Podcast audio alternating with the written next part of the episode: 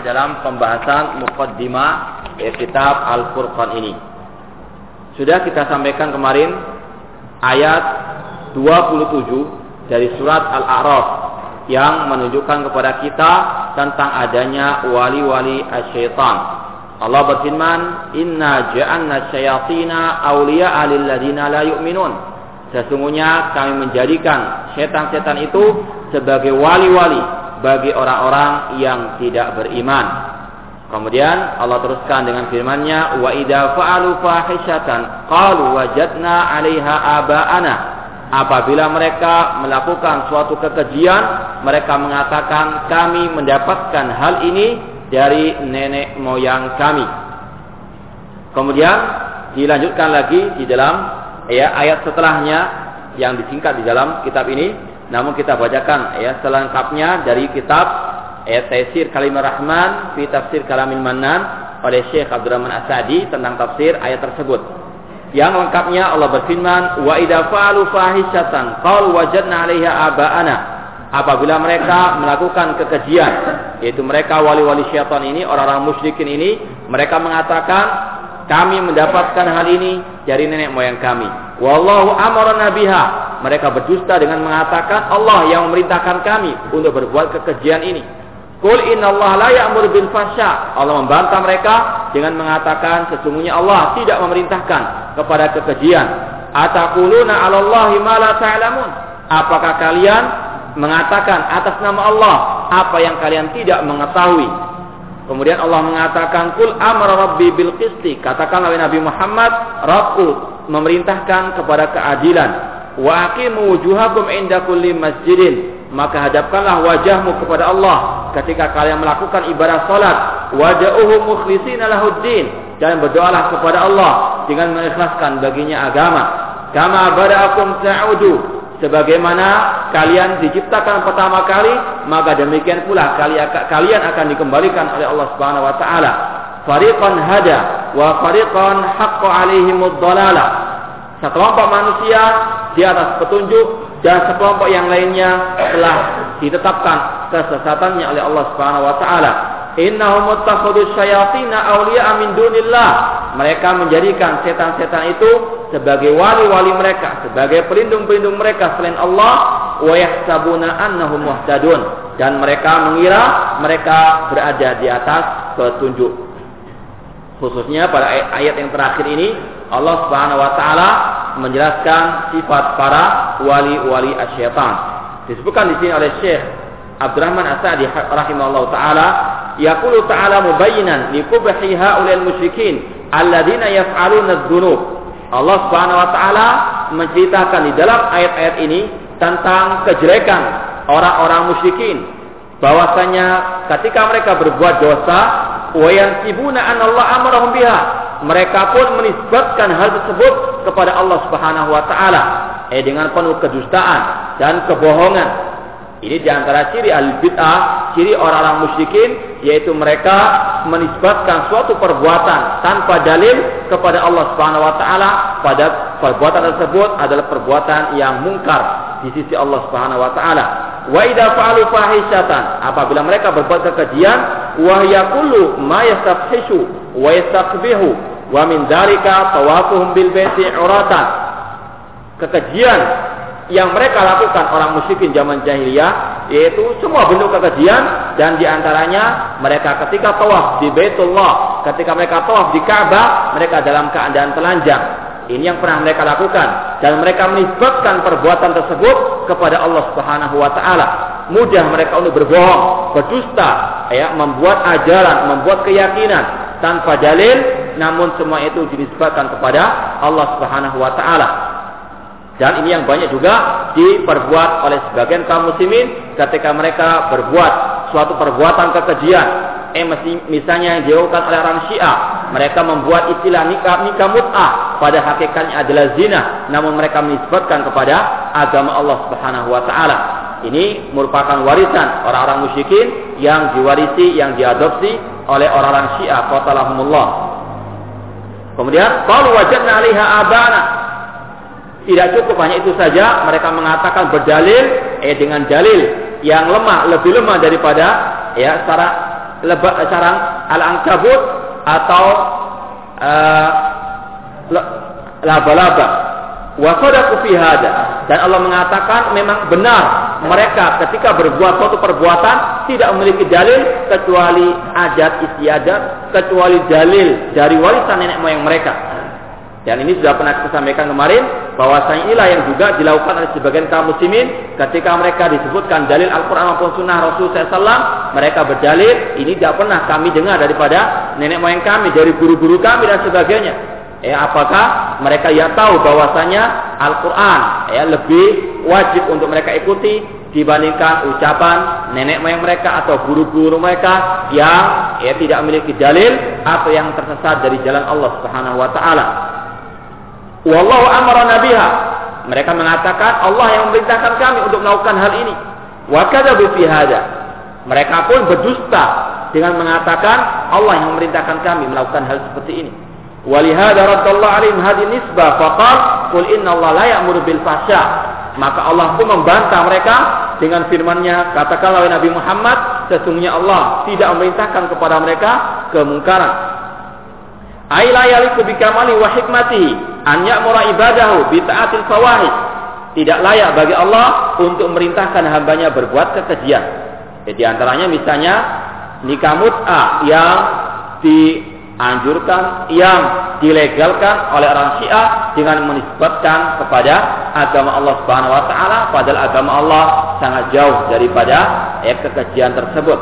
La hadzal ladzi yaf'alu musyrikuna wala ghairuhu Allah tidak pernah memerintahkan kekejian sama sekali.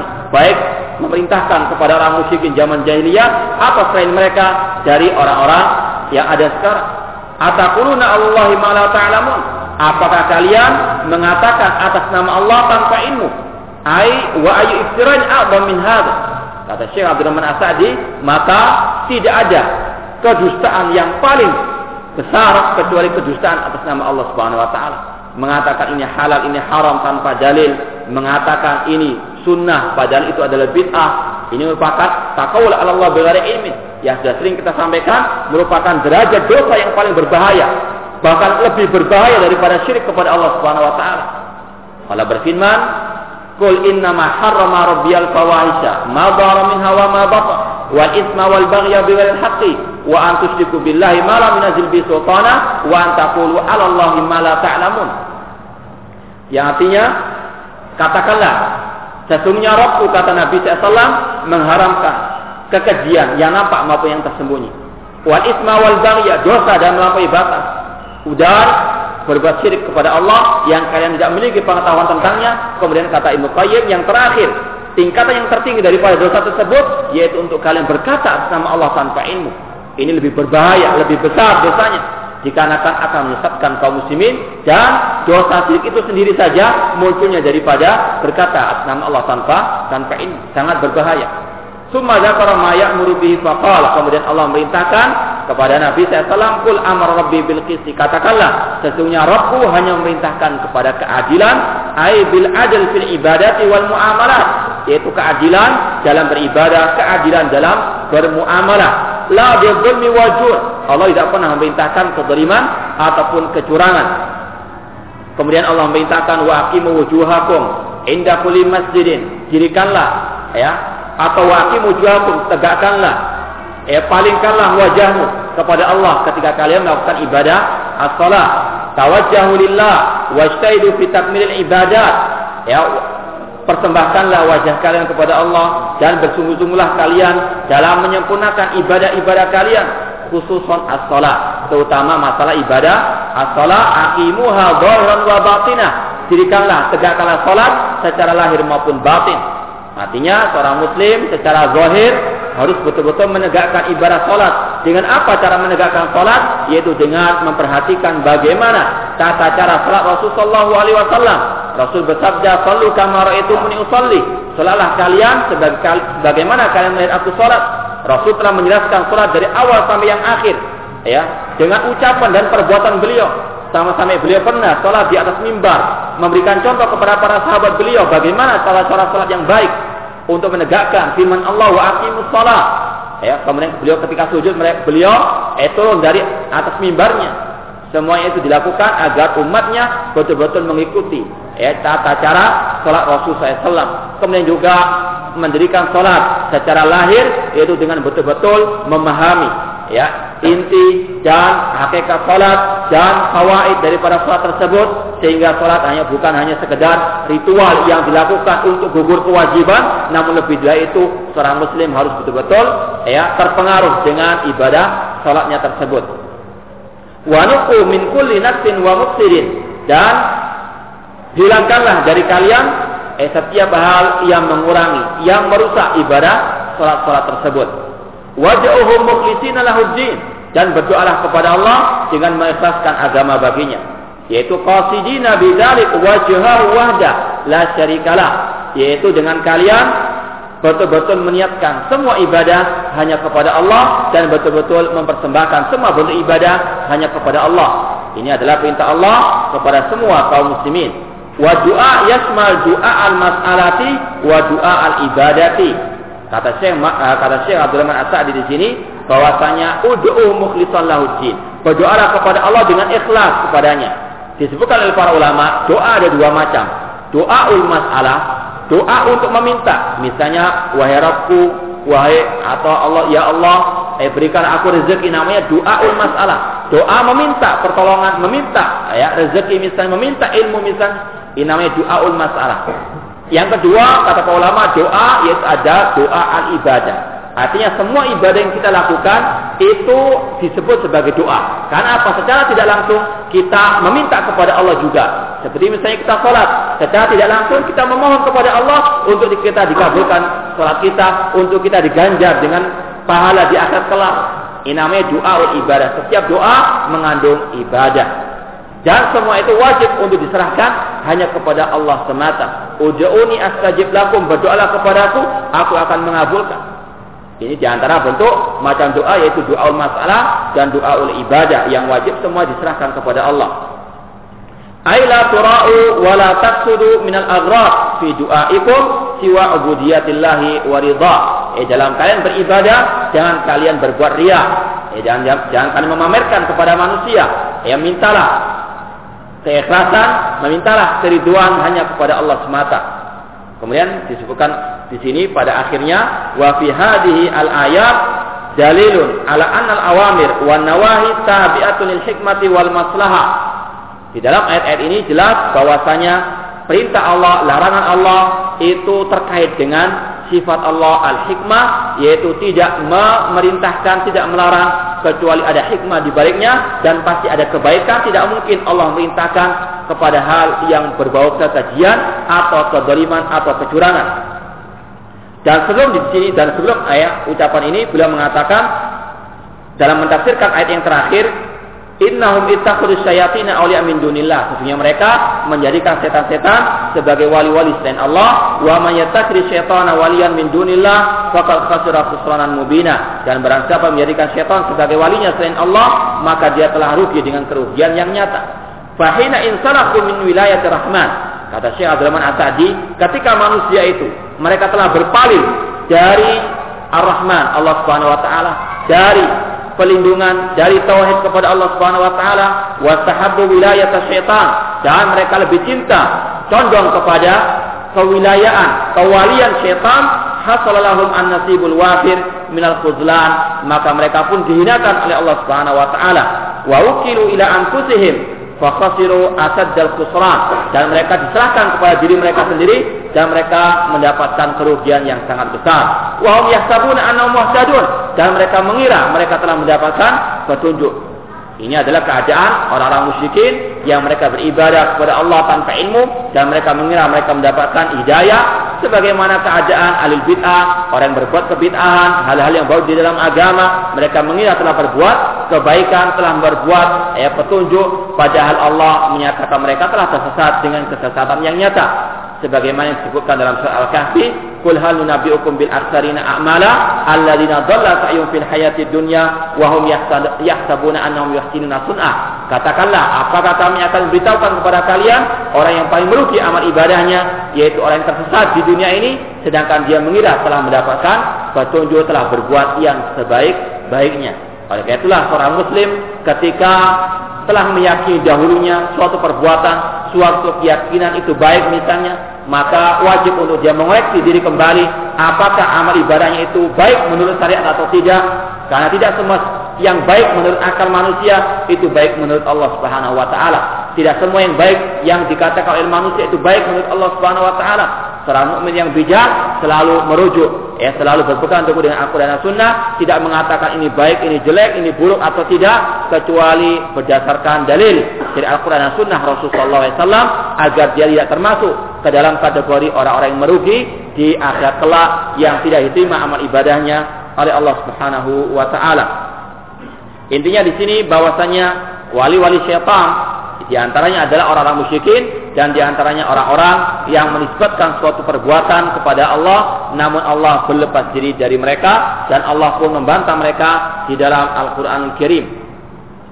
Kemudian kita pindah kepada ayat berikutnya surat Al-An'am ayat 121 yang juga menceritakan tentang bagaimana ya sifat-sifat keadaan para wali-wali syaitan. Allah berfirman, "Wa inna syayatina la yuhuna ila awliyaihim yujadilukum. Sesungguhnya setan-setan tersebut mewahyukan kepada wali-walinya untuk mereka mendebat ya, untuk mereka menentang kalian wahai para sahabat wahai kaum muslimin. Disebutkan di sini oleh Syekh Abdurrahman Sa'di tentang tafsir ayat tersebut, fa innal musyrikina hina sami'u tahrim Allah wa rasuli al-maitata wa tahlilahu lil mudzakka wa kanu yastahilluna aklal maita qalu mu'anidatan lillahi wa rasulihi wa mujadalatan bighairi hujjatin wa burhanin ataquluna ma qataltum wa la taquluna ma qatalallah ya'nuna bidzalik al-mayyita. Ayat dalam surat al-an'am tadi 121 masih berkaitan dengan ayat sebelumnya tentang diharamkannya bangkai oleh Allah Subhanahu wa taala.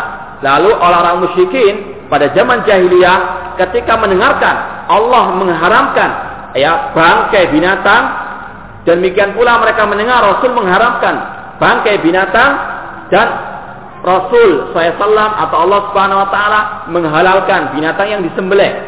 Mereka pun menghalalkan Ya, meskipun telah datang ayat Al-Quran, hadis Rasulullah SAW yang mengharamkan bangkai binatang, mereka pun tetap bersikeras untuk menghalalkannya. Kemudian mereka pun berdalih dengan akal mereka. Tahu mereka mengatakan dalam rangka menentang Allah dan Rasulnya, dalam rangka untuk mendebat ya Allah dan Rasulnya tanpa hak, tanpa hujah, mereka mengatakan, apakah kalian ya memakan bangkai yang kalian sembelih sendiri sedangkan kalian mengharamkan ya bangkai yang dibunuh oleh Allah Subhanahu wa taala yang disembelih oleh Allah Subhanahu wa taala. Mereka mengatakan, "Mengapa kalian menghalalkan binatang yang kalian sembelih sendiri sedangkan kalian mengharamkan apa yang disembelih oleh Allah yaitu yang dimaksud oleh mereka adalah bangkai?" Ya. Padahal sudah jelas, "Innama harrama alaikumul al-maitata wal khinzira wal amar khinzir. Ya, inna ma harama alaikumul maitat. Allah sesungguhnya Allah mengharamkan al-maitat. Bangkai. Namun mereka mengatakan itu halal. Ya. Dengan apa mereka menghalalkannya? Dengan akal mereka. Mereka mengatakan bahwasanya mengapa kalian menghalalkan binatang yang kalian sembelih sendiri sedangkan kalian mengharamkan apa yang disembelih Allah oleh Allah yaitu bangkai yang mati tambah disembelih oleh oleh manusia. Ini adalah pernyataan para wali-wali syaitan, yaitu mereka-mereka yang menentang ayat-ayat Allah dengan akal-akal mereka. Wahai fasid. Ini adalah pendapat, pemikiran yang sangat sesat, yang sangat rusak, la yastanidu ala hujjatin wala dalil, yang tidak berdasarkan dalil ataupun hujjah. Bal yastanid ila ara'im al-fasidah. Namun mereka hanya bersandar kepada akal mereka yang rusak. Allati law kana al-haqqu tab'an la fasadatis samawati wal ardu wa man fihinna yang mana seandainya kebenaran itu mengikuti hawa nafsu mereka, akal pikiran mereka, maka akan hancur langit dan bumi dan apa yang ada di dalamnya. Fataban. Kemudian kata Syekh Abdul Rahman Asadi, Fatabban liman qaddama hadil uqula ala syar'illah wa ahkamihi. Maka sungguh celaka, sungguh binasa orang-orang yang lebih mengandalkan akal mereka di atas syariat Allah Subhanahu wa taala dan hukum-hukum Allah Subhanahu wa taala. Sebagaimana keadaan orang musyrikin tadi ketika diharamkan kepada mereka ya daging atau daging atau hewan yang bangkai yang belum sempat disembelih oleh manusia dan dia mati dengan sendirinya maka mereka pun menghalalkannya dengan akal mereka. Mereka mengatakan, mengapa kita mengharamkan apa yang disembelih oleh Allah Subhanahu wa taala? Ini adalah hasil otak mereka yang jelas-jelas menyelisihi Al-Qur'an Karim. Maka sungguh celaka orang-orang yang mengandalkan akal mereka di atas syariat Allah dan hukum-hukum Rasulnya Shallallahu Alaihi Wasallam. Hal ini sebagaimana yang dikatakan oleh Abdullah bin Abbas radhiallahu anhu ketika mendengar ada seorang yang menentang sabda Rasulnya SAW, beliau mengatakan, Aksha antanzil alaikum hijaratu minas sama. Aqulu qala Rasul wa qultum qala Abu Bakar wa Umar. Kata Abdul bin Abbas radhiyallahu anhu, aku khawatir kalian akan dibantai, akan diturunkan ya. Batu baru dari langit Aku mengatakan Rasul bersabda, kalian mengatakan Abu Bakar dan Umar. Artinya mempertentangkan ucapan Rasul dengan ucapan Abu Bakar dan Umar radhiyallahu anhum. Abdullah Abbas seorang sahabat marah, murka terhadap ucapan tersebut. Padahal masih dipertentangkan dengan para ulama dari kalangan sahabat, para khulafa rasyidin. Itu pun tidak diperbolehkan. Apalagi dipertentangkan sabda Rasul dengan ucapan-ucapan orang-orang yang jahil misalnya. Maka sungguh celaka Sungguh binasa orang-orang yang mengandalkan akal mereka daripada syariat Allah dan hukum-hukumnya Rasul SAW. Al-muwafiq lil masalihil amah wal manafi al yang mana syariat Allah, hukum-hukum Allah selaras dengan kemaslahatan kebaikan manusia secara umum maupun individu-individunya. Wala yastaghribu hadza minhu. Namun ini tidak aneh ya bagi orang-orang musyrikin. Fa inna hadhil ara wa asbahaha sadiratun an wahyi awliyaihim minas syayatin. Sesungguhnya pendapat-pendapat yang batil ini yang menentang Al-Quran dan Sunnah Rasul SAW itu munculnya dari wahyu para wali-wali mereka dari kalangan syayatin. Eh, setan-setan dari kalangan jin maupun maupun manusia.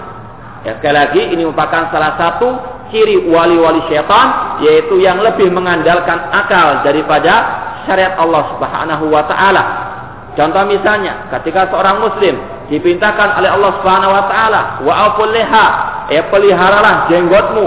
Dia mengatakan, "Oh, enggak masuk akal. Islam itu agama yang bersih, ya agama yang indah, itu kotor, itu kolot dan sebagainya." Pada jelas hadisnya dari Rasulullah SAW bahkan ayat Al-Quran menyebutkan tentang bagaimana ciri para ambia ya Nabi Musa alaihissalam ya ketika marah kepada Nabi Harun beliau memegang Eh jenggotnya Nabi Harun, seraya Nabi Harun mengatakan, "La ta'khud bi lihyati wala birasi." Wahai saudaraku, jangan engkau memegang ya jenggotku dan kepalaku. Para anbiya itu cirinya. Namun sebagai kaum muslimin ketika mereka tidak mau mengikuti syariat Allah Subhanahu wa taala, tidak mau mengikuti sabda Rasul SAW, bukan malah beristighfar, bukan malah bertobat, namun malah menentang dengan akalnya. Dikatakan itu tidak sesuai dengan kebersihan, tidak sesuai dengan keindahan dan sebagainya menurut akal mereka sendiri. Inilah keadaan wali-wali syaitan yang telah Allah ceritakan di dalam Al-Quran, yaitu mereka-mereka yang suka menentang Al-Quran dan Sunnah dengan akal pikiran mereka. Kalau memang tidak sanggup untuk melakukan Sunnah Rasul SAW atau kewajiban yang diwajibkan ya kepada kita oleh Rasul SAW, maka banyak-banyaklah beristighfar. Jangan malah menentang. Kalau kita bisa, banyak di antara amal ibadah yang belum kita lakukan. Maka kita banyak beristighfar kepada Allah, berusaha untuk eh, melakukannya. Namun jangan kita menentang. Jangan kita memperoleh agama Allah Subhanahu wa taala. Hukumnya sangat berbahaya dan ini merupakan ciri wali syaitan menentang agama Allah, menentang aku dan sunnah Rasul SAW dengan akal pikiran. Eh sebagaimana juga ini merupakan ciri iblis laknatullahi alaih yang merupakan dedengkotnya wali-wali asyaitan yang mana ketika diperintahkan untuk sujud kepada Adam, dia tidak mau. Namun dia mengandalkan akalnya, menentang perintah Allah dengan akalnya. Khalaqtani min narin wa khalaqtahu min tin. Ya, untuk apa aku sujud kepada Adam sedangkan aku diciptakan dari api sedangkan Adam diciptakan dari tanah. Dengan akalnya dia menentang Al-Quran, menentang perintah Allah Subhanahu Wa Taala, sehingga dia pun diusir daripada surga Allah Subhanahu Wa Taala. Dan ini sudah kita bahas dalam ayat sebelumnya. Kemudian disebutkan di sini alladzina yuriduna an yudillu al-khalqa an dinihim. Mereka para wali-wali syaitan tersebut saling mewahyukan ya kesesatan mereka kepada wali-wali mereka yang lainnya tujuannya untuk menyesatkan ya, makhluk untuk menyesatkan manusia dari agama Allah wa yaj'uhum liyakunu min ashabis sa'ir dan menyeru mereka manusia-manusia tersebut untuk menjadi penghuni api neraka maka kewajiban seorang muslim berhati-hati Jangan sampai mereka tertipu oleh wali syaitan tersebut meskipun mereka terkadang ucapannya indah, retorikanya sangat bagus, namun kembali kepada permasalahan prinsip bahwasanya suatu ucapan, suatu keyakinan, suatu perbuatan harus ditimbang kembali eh, ditimbang dengan timbangan Al-Quran dan Sunnah Rasulullah SAW dengan pemahaman para sahabat Rasulullah SAW. Kemudian ayat yang berikutnya wa qala al-Khalil alaihi salam. Berkata Ibrahim alaihi salam Khalilullah eh kekasihnya Allah Subhanahu wa taala. Beliau berkata kepada ayahnya yang Allah kisahkan dalam Al-Qur'an surat Maryam ayat 45 ya abati inni aqafu an yamassaka azabun minar rahman fatakuna li syaitani waliya.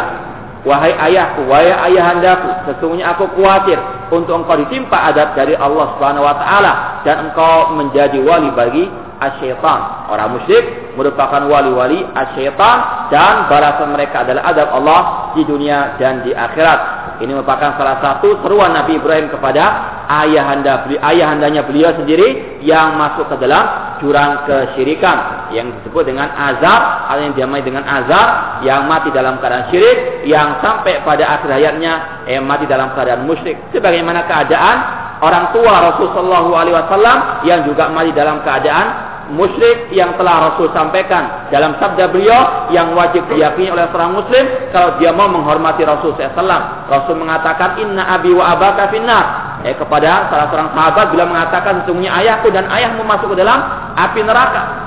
Ini adalah hadis riwayat Muslim yang wajib untuk diyakini oleh seorang muslim bahwasanya Rasul telah bersaksi sendiri kepada ayah beliau sendiri bahwasanya ayah beliau masuk di dalam deretan orang-orang musyrikin, masuk dalam deretan orang-orang yang masuk ke dalam api neraka. Ini yang sangat sangat dekat kepada Rasul SAW yang sangat berjasa kepada Rasul SAW ya yang beliau juga ya merupakan salah satu sebab lahirnya Rasul SAW namun beliau karena tidak mengikuti agama Nabi Ibrahim yang masih diwajibkan kepada mereka untuk mengikutinya maka beliau pun masuk dalam keadaan ya penghuni api neraka dalam keadaan musyrik.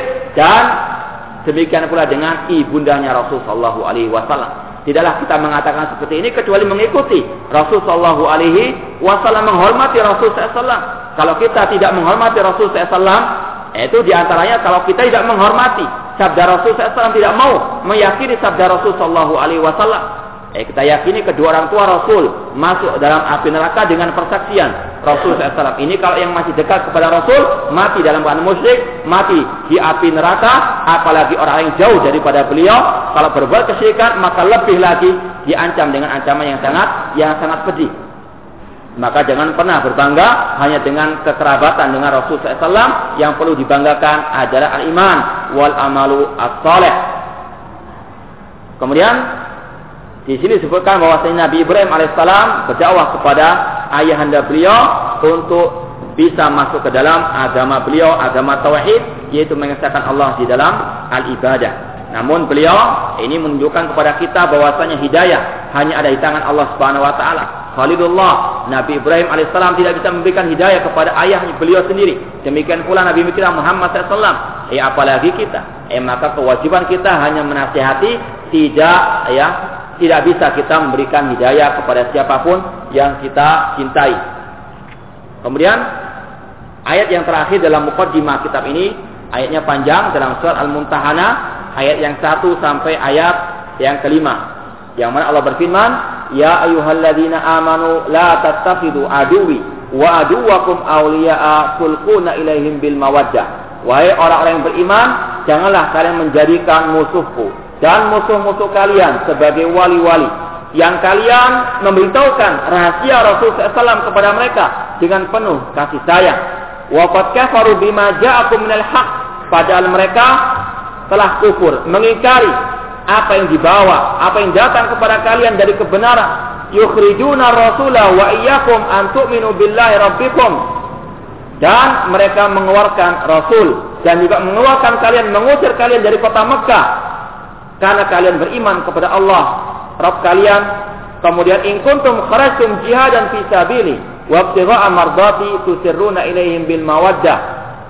Jika kalian keluar untuk berjihad di jalan Allah dan mengharapkan ridhonya Allah atau ridhoku kata Allah, maka janganlah kalian melakukan hal seperti itu.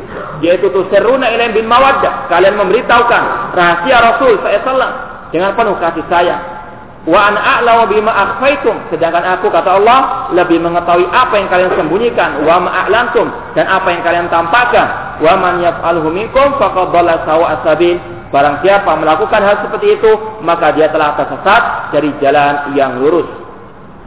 Eh, kita baca sedikit tafsir daripada Syekh Abdul Rahman Asadi tentang surat Al-Mumtahana ini. Kata beliau, zakara katsirun minal mufassirin rahimahumullah anna sababa nuzuli hadhil ayatil karimat fi qissati Hatib bin Abi Balta'a hina ghaza an-nabiy sallallahu ghazwat al-fath. Kata Syekh Abdul Rahman As-Sa'di rahimahullah bahwasanya ayat ini surat Mumtahanah ayat yang pertama ini dan yang berikutnya itu kata para ulama tafsir kebanyakan ulama tafsir mengatakan sebab nuzulnya sebab nuzulnya ayat ini berkaitan dengan kisah Hatib bin Abi Balta'a salah seorang sahabat Rasul SAW yaitu peristiwa itu terjadi ketika Rasulullah SAW ingin untuk menaklukkan kota Mekah. Fakataba hatibun ila Quraisy yukhbiruhum bimasiri Rasulullah SAW ilaihim. Yang mana Hatib bin Abi Balta'a ini menulis surat kepada kaum Quraisy, menulis surat untuk orang-orang musyrikin Quraisy di kota Mekah memberitahukan tentang keadaan Rasulullah SAW yang ingin untuk memerangi mereka. Artinya memberitahukan rahasia Rasulullah SAW. Lihat kita bilalika ia dan indahum. Apa tujuan beliau? Agar beliau menanamkan ya jasa kepada orang-orang kafir Quraisy yang mana beliau Hatib bin Abi Balta'a masih memiliki kekerabatan dengan sebagian ya orang di kota Makkah yang mana kalau beliau menanamkan jasa ini kepada orang Quraisy maka orang Quraisy akan menjaga keluarga beliau yang ada di kota Mekah tersebut. Itu tujuan Hatib bin Abi Balta'ah radhiyallahu anhu. La sakkan wala nifaqan. Beliau memberitahukan rahasia Rasulullah SAW bukan karena nifak kemunafikan, bukan karena ragu terhadap Islam. Wa arsalahu ma'imra'atin. Hatib bin Abi Bata ini mengirim surat kepada salah seorang perempuan orang musyrikin untuk menyampaikan kabar rahasia ini kepada orang-orang musyrikin. Fa'ukhbiran Nabi SAW bisya'ni. Rasul pun mendapatkan wahyu dari Allah bahwasanya ada surat rahasia yang akan dikirimkan ke Quraisy. Fa'arsala ilal mar'ati qabla wusuliha wa akhadha minha alkitab. Rasul pun mengirim sebagian sahabatnya di antaranya Ali bin Abi Thalib untuk mengejar, untuk mengambil kembali surat rahasia tersebut yang dibawa oleh salah seorang perempuan kaum musyrikan. Wa atabah hatiban. Kemudian setelah itu Rasulullah SAW ya menegur, menasihati Hatib bin Abi Balsa'ah Fa'tadara radhiyallahu anhu bi udrin qabilahu Nabi sallallahu alaihi wasallam. Ya di antaranya Rasul mengatakan kepada Hatib bin Abi Balta'a, "Ma hamalaka ala hada?" Apa yang mendorongmu untuk melakukan ini wahai Hatib bin Abi Balta'a? Maka beliau pun memiliki alasan, memiliki odor, yaitu beliau mengatakan, Hatib bin Abi Bakar mengatakan, aku melakukan hal ini ya Rasulullah, karena para sahabatku atau para sahabat engkau ya Rasulullah memiliki kekerabatan dengan sebagian orang musyrikin yang akan menjaga keluarga mereka di kota Mekah, sedangkan aku tidak memiliki ya kekuatan di kota Mekah yang mana aku ingin untuk menanamkan jasa kepada orang Quraisy yang mana nantinya orang Quraisy akan menjaga keluargaku di kota Mekah itu tujuan beliau dan beliau pun diterima odurnya oleh Nabi Shallallahu Alaihi Wasallam ini yang sudah kita sampaikan ya pada waktu kemarin bahwasanya al muwala cinta kepada orang musyrikin kepada orang kafir dikarenakan dunia ini tidak sampai kepada kesyirikan, tidak sampai kepada kemurtatan. Oleh karena itu tidak boleh sembarangan seorang muslim menuduh saudaranya kafir atau murtad hanya karena mualah dalam urusan dunia kepada orang kafir. Meskipun hukumnya tetap diharamkan, namun tidak boleh kita hulu berlebih-lebihan, ekstrim dalam menfonis. Ya. Seperti yang dilakukan oleh orang-orang khawarij, terutama mereka terus ya menelor terus untuk mereka menuding eh, negara Saudi Arabia dengan negara yang kafir dan mereka menulis kitab yang sangat keji yang sangat jahat, yang sangat jauh daripada akidah al-sunnah wal jamaah. Ya, mereka menulis sebuah kitab Al-Kawashiful Jaliyah fi Kufri Daulat Saudiyah. Mereka menulis sebuah kitab yang judulnya Kekafiran Negara Saudi Arabia. Naudzubillah min dzalik. Ini adalah sebagaimana Allah berfirman, "Inna la ta'mal absar, walakin ta'mal qulub allati fis sudur." Ya, bukan mata ini yang buta, namun hati mereka yang buta atas dari dari kebenaran tersebut. Ya, kalau negara Saudi dikatakan negara kafir, kalau murtad, maka di mana lagi negara Islam yang ada? Kalau kita mau objektif, kalau kita mau membuka mata kembali, ya, kalau kita mau keadilan, lihat negara mana yang menegakkan tauhid. Negara mana yang ditegakkan pembasmian terhadap kesyirikan, terhadap kuburan-kuburan yang keramat, terhadap perdukunan. Hukum Islam masih berjalan di sana. Berapa banyak orang-orang jemaah haji merasakan bagaimana keindahan Islam di sana, bagaimana ya jasa-jasa para pemimpin-pemimpin negara tersebut terhadap Islam. Berapa mushaf atau berapa juta mushaf yang dikeluarkan terjemahan dengan berbagai bahasa. Ya, mereka lupa dengan jasa-jasa manusia. Sedangkan Rasul mengatakan, la yaskurillah mal la. Tidak bersyukur kepada Allah. Orang-orang yang tidak bersyukur, tidak berterima kasih kepada orang yang lain. Terutama yang mereka menegakkan agama tauhid. Namun inilah akidah khawarij yang suka mengkafirkan meskipun tidak berdasar, tidak berdalilkan pemahaman ahlu sunnah wal jamaah berdasarkan ahlu sunnah atau para ulama as-salaf. Ya, hanya sekedar yang membantu ya orang kafir karena cinta dunia ini tidak dikatakan sebagai suatu kemurtadan. Maka sangat jauh fonis mereka terhadap negara Saudi ketika mereka mendatangkan misalnya tentara Amerika. Ya, padahal ini adalah fatwa para ulama. Kalaupun mereka salah misalnya, tidak berhak untuk di, dicaci mak, tidak berhak untuk dikatakan sebagai orang yang murtad. Rasul saya bersabda, "Idza ijtahada al-hakim fa asaba falau ajran, wa in aqta'a falau ajrun wahid." Rawal Bukhari. Kata Nabi SAW, apabila seorang ulama yang betul-betul ulama beristihad lalu benar maka baginya dua pahala. Jika mereka salah baginya satu pahala. Tidak dicela oleh Allah dan Rasulnya tidak boleh dicela. Namun mereka orang Haroka mengatakan mereka adalah antek-antek Yahudi mereka adalah ya orang-orang kafir murtad dan sebagainya. Eh sungguh kaburat kalimatan takhruju min afwahihim iyaquluna illa kadiba. Maka sungguh sesuai apa yang Allah firmankan terhadap mereka Kabarat kalimatan takhruju min afwahim. Sungguh besar apa yang keluar dari mulut-mulut mereka, tidaklah mereka berkata kecuali dusta atas nama agama Allah Subhanahu wa taala. Rasul sallallahu ayat ketika mendapatkan salah seorang sahabatnya menolong, membantu orang kafir Quraisy dengan mengabarkan berita rahasia Rasul SAW, Rasul tidak mengkafirkannya. Ya, dan Rasul SAW menerima ordernya. Dan Rasul bertanya dahulu, apa yang mendorongmu untuk berbuat demikian? Kata para ulama, ini menunjukkan kepada kita bahwasanya keyakinan dalam hati ini merupakan suatu hal yang merupakan dasar ya pengkafiran kepada seorang muslim. Kalau masih hatinya beriman kepada Allah Subhanahu wa taala, namun perbuatannya menyimpang dari agama Allah, tidak sampai kepada derajat kesyirikan atau kekafiran, tidak bisa difonis orang itu kafir atau murtad dari agama Allah Subhanahu wa taala. Sekali lagi dan sering kita sampaikan, masalah kafir mengkafirkan bukan permasalahan yang mudah. Para ulama salaf mereka sangat berhati di dalam masalah ini, namun orang-orang khawarij, kelompok-kelompok yang sesat, mereka mudah menfonis kafir kepada kaum muslimin atau kepada khususnya kepada penguasa kaum muslimin. Sekali lagi, ini adalah kisah Rasul SAW dan bagaimana sikap Rasul SAW yang tidak mudah memfonis kafir kepada orang-orang yang menyimpang dari pada agama Allah. Padahal kalau menurut orang-orang haroka, menurut orang-orang ya jihad-jihad dan sebagainya ini merupakan suatu kekafiran yang wajib untuk di, dikafirkan. Padahal ini merupakan suatu hal yang tidak sampai kepada derajat kekafiran karena mualah dikarenakan dunia tidak sampai kepada derajat kemurtatan. Kemudian disebutkan ya, pada ayat berikutnya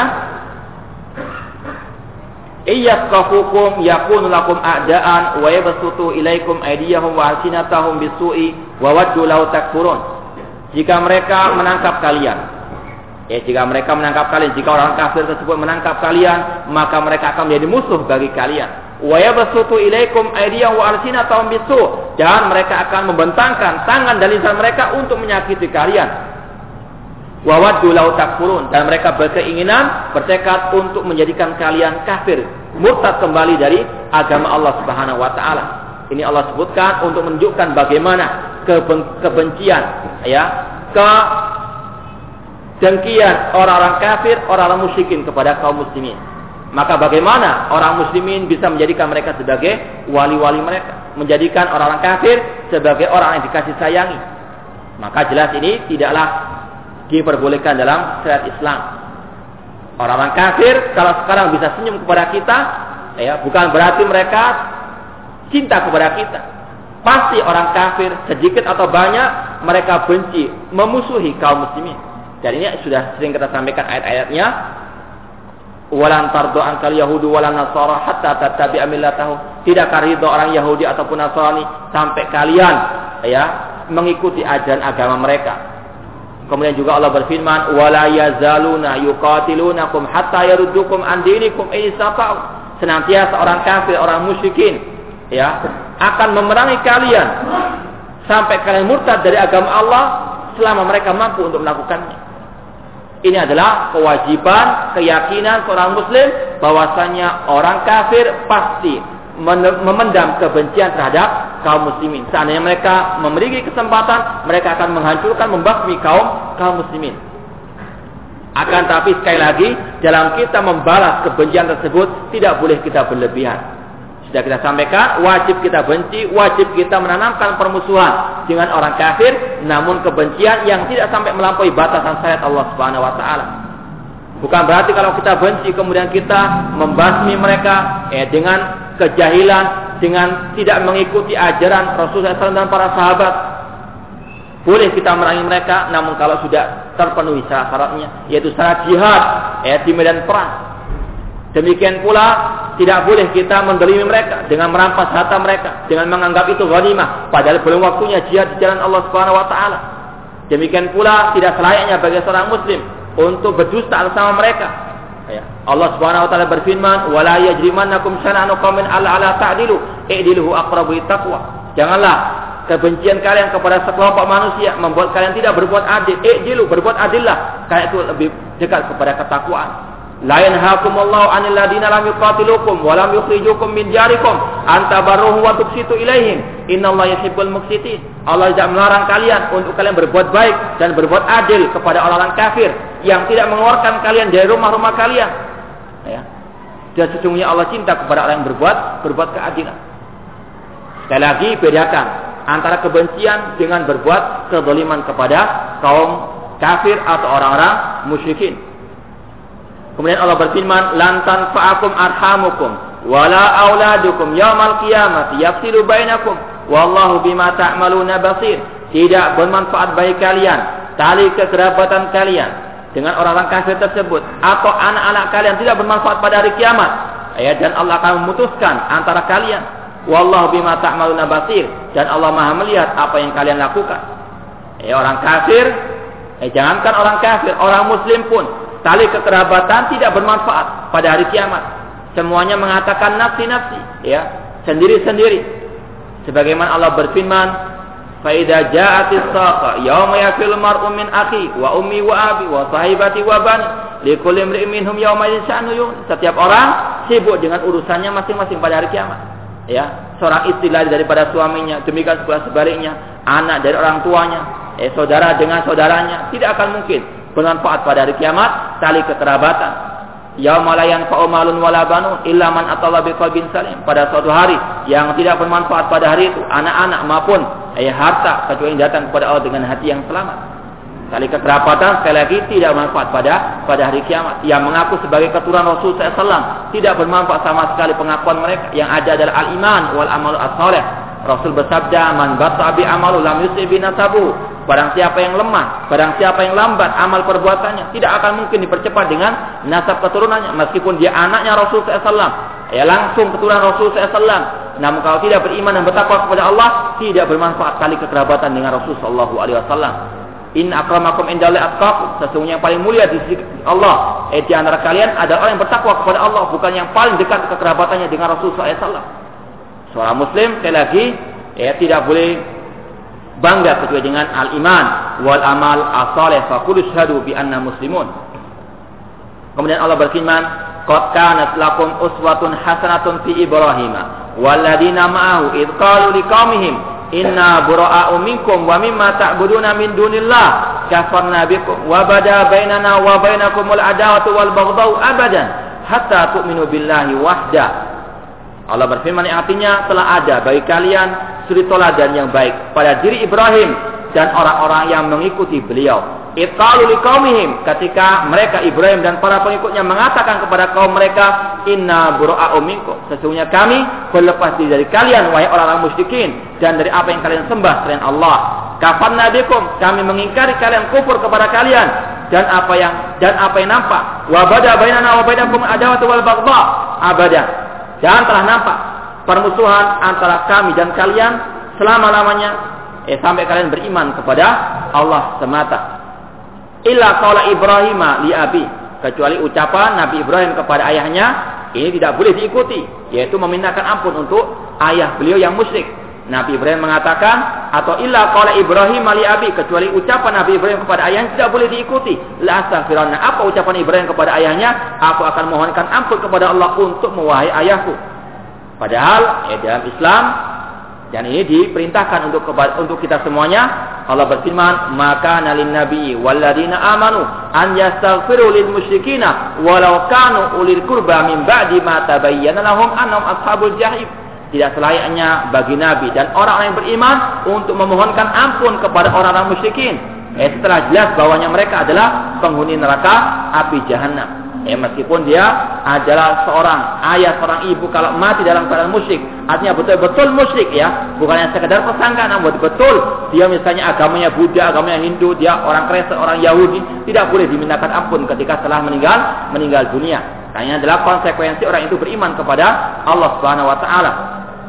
Kemudian Allah berfirman lagi tentang Nabi Ibrahim alaihissalam, "Wa ma amliku minallahi min syai'." Ya sesungguhnya aku kata Nabi Ibrahim tidak bisa memiliki apa pun di sisi Allah Subhanahu wa taala untuk muai ayahku. Rabbana alaika tawakkalna wa rabb kami kepadamu lah aku kami bertawakal. Wa ilaika anabna dan kepadamu lah kami bertobat. Wa ilaikal masir dan kepadamu lah tempat kami kembali.